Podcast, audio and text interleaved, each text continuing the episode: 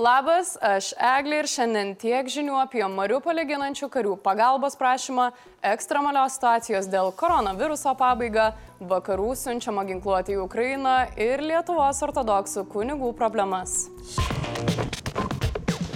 Didviriškai nuo okupantų Mariupolį ginantis kariai prašo pasaulio pagalbos. Tai naša zvarnė du svytų. Це може бути нашим останнім зверненням. В нас можливо залишились лічні дні або години. Serhėjus prašo pasaulio ištraukti juos ir suteikti prieglopstį trečioje šalyje, nes situacija itin sudėtinga. Угрупування противника в десятки разів е, перебільшує нас. Е, Вони мають панування у повітрі, в артилерії, е, в е, угрупуваннях, які діють на суходолі, technikoje, tankama. Pagalbos reikia mažiausiai pusiai tūkstančio sužeistų karių ir dar šimtams su jais esančių civilių. Tuo tarpu Rusija paskelbė dar vieną ultimatumą. Jos kariai žadėjo šiandien laikinai nutraukti ugnį, kad Ukrainos kariams būtų lengviau pasiduoti. Rusija tokius ultimatumus buvo paskelbusi ir anksčiau, Ukrainos kariai pasiduoti atsisakė. Apie situacijos tragediją kalbėjo ir prezidentas Zelenskis. Anot jo padėtis uostamistyje yra rimčiausia, kokia tik gali būti. Miesto gyventojus esančios Rusijos dalinių rankose mėginama deportuoti ar mobilizuoti į rusų pajėgas. Taip pat mariupoliečiai yra verčiami po miesto judėti tik su baltais raišiais. Apie tai Telegram paskelbė Mariupolio mero patarėjas. Pasak jo, okupantai perėjo nuo švelnių siūlymų dėvėti baltus kaspinus civiliams kaip draugo ar priešo ženklus iki tiesioginių grasinimų atidengti ugnį. Mariupolio meras Vadimas Boičenka paskelbė, kad tikisi šiandien iš Mariupolio išgabenti 6 tūkstančius civilių. Tam esą bus pasitelkti 90 autobusų, mieste dar yra apie 100 tūkstančių civilių. Į šią katastrofą miestas papuolė, nes Rusija nori visiškai perimti strategiškai svarbaus uostamešio kontrolę. Kuo jis svarbus? Donbaso ir apsausto pietritinio Mariupolio galutinis užėmimas leistų Maskvai suformuoti sausumos koridorių vedantį į okupuotą Krymo pusęsalį. Na ir dar tam, kad bent kažką galėtų padovanoti savo kraują ištroškusiai tautai per artėjančią gegužės 9-ąją. Ar jūs jaučiatės ekstremaliai, nes mm, aš irgi ne. Ir jau senokai. Turbūt panašiai nesijaučia ir mūsų vyriausybė, nes atšaukė ekstremalią situaciją nuo gegužės pirmos dienos. Kodėl? Nes mažėja COVID pacientų ligoninėse. Be to, didžioji dalis Lietuvos gyventojų yra jau imunizuoti, persirgę arba paskiepyti. Ką tai reiškia? Kaukių dėvėjimas, ribojimai renginiuose, maitinimo įmonėse persikėlė į rekomendacijų lygį. Ir jūs įsivaizduojat, nebereikės izoliuoti susirgus koronavirusu. Tai irgi tik rekomendacija. Kitaip tariant, nuo gegužės pirmos galite laikyti COVID paprastu virusiuku. Na ir žinoma, testai irgi bus kaip paprasto virusiuko. Testuojami bus tik tai, matyti, simptom, simptomus turintys asmenys, taip kaip ir kitų lygų atžvilgių. Sprendimas nepatiko buvusiam sveikatos apsaugos ministrui Verygai. Jo nuomonė, ekstremalią padėtį reikėjo išlaikyti dėl teisinių dalykų. Nes tokia situacija leidžia paprastai naudoti biudžeto lėšas, padėti savivaldybėms dėl vakcinacijos, patirtų išlaidų ir situacijos pasiekmių likvidavimo. Sprendimas priimtas, tačiau yra bėda. Pandemijos eiga rodo, kad kolektyvinio imuniteto idėja bent jau šiuo metu yra neįmanoma. Tai sako užkrečiamųjų lygų ir AIDS centro direktorius profesorius Saulis Čiaplinskas. Pasak jo, problema kyla, nes koronavirusu galima užsikrėsti pakartotinai ir labai daug paskiepytų žmonių vis tiek užsikrėtė omikron. O kadangi persirgymas neapsaugo nuo užsikrėtimo, reikės skiepytis, plauti rankas ir kaukę nešioti pageidautina. Pats Čiaplinskas taip daro. O kaip sakė sveikatos apsaugos ministras, dabar reikia Sekti, monitorinti skaičius, duomenis ir tada, jeigu reikės, rudenį vėl priimti tam tikrus sprendimus. Parašykite man komentaruose, kurie iš jūsų dar dedasi kaukės patalpose. Aš būtinai perskaitysiu. Kol ukrainiečiai toliau narsiai gina savo gimtinės teritoriją, ginkluotės lokomotyvas iš vakarų įgauna pagreitį. Didžioji Britanija ketina siūsti Ukrainai daugiau artilerijos, tarp kurios ir priešlaivinės raketos Brimstone. JAV prezidentas ruošiasi paskelbti naują karinės pagalbos paketą, kurio vertė turėtų būti panašiai jau dabar teikiamos pagalbos dydį. Kanada taip pat paskelbė perduosantis sunkiosios artilerijos ginklų. Ir dar ne viskas. Norvegija Ukrainai padovanojo šimtą prieš lėktuvinės gynybos raketų Mistral. Pagalba atkeliauja ir kitais būdais - slaptais. Pentagono atstovas Jonas Kirbis pranešė, kad Ukraina gavo naikintuvų ir detalių lėktuvams. Ukrainos pajėgos šiuo metu turi daugiau naikintuvų negu turėjo prieš dvi savaitės. Tiesa, gali būti, kad tai vis tiek nenuramins iki apsišlapinimo vakarų ginkluotės bijančių rusų generolų.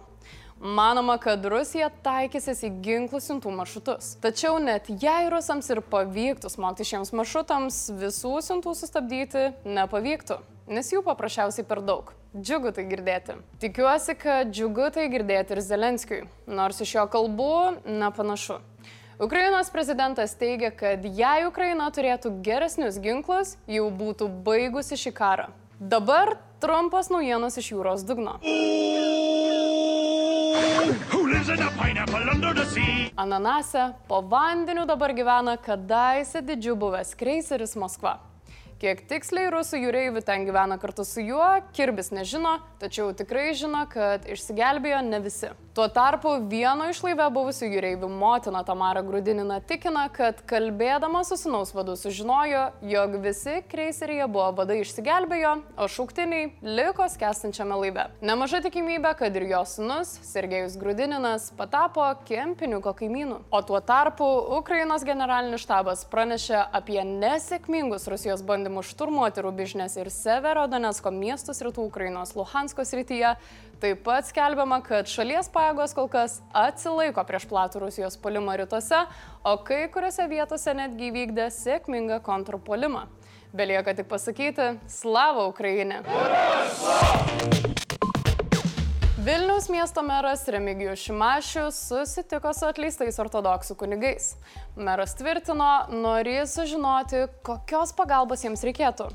Meras sakė, kad tai, kas buvo padaryta, yra... Tiesiog įvykas yra bažnyčios viduje susidorojimas su dalimi kunigų.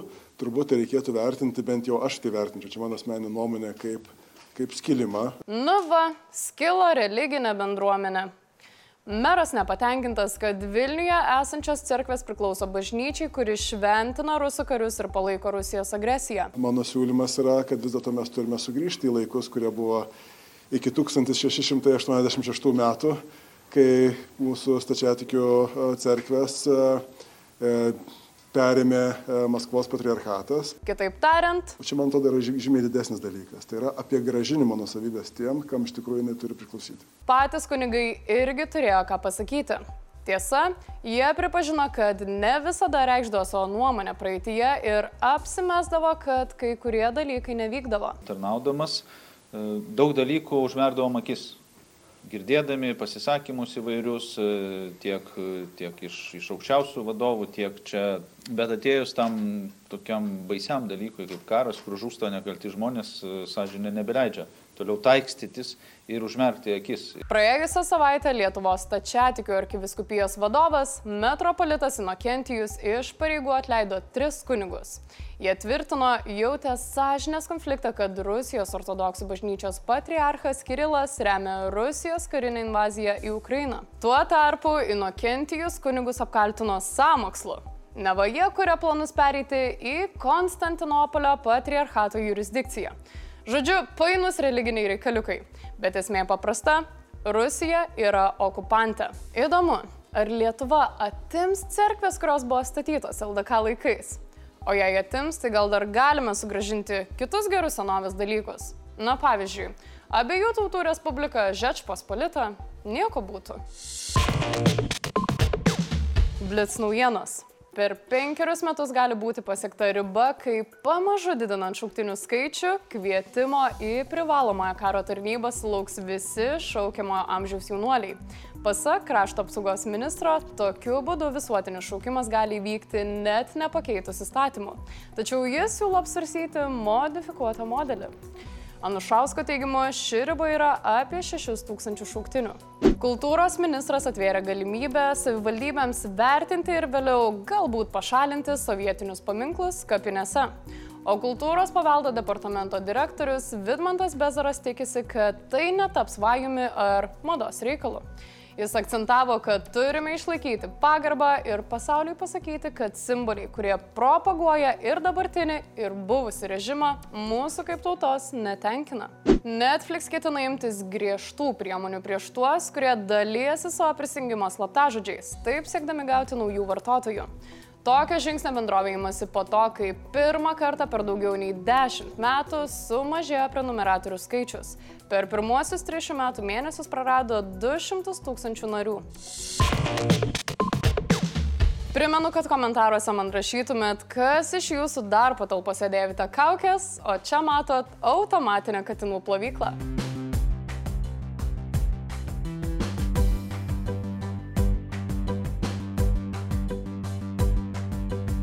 Čia buvo Eglė ir šiandien tiek žinių.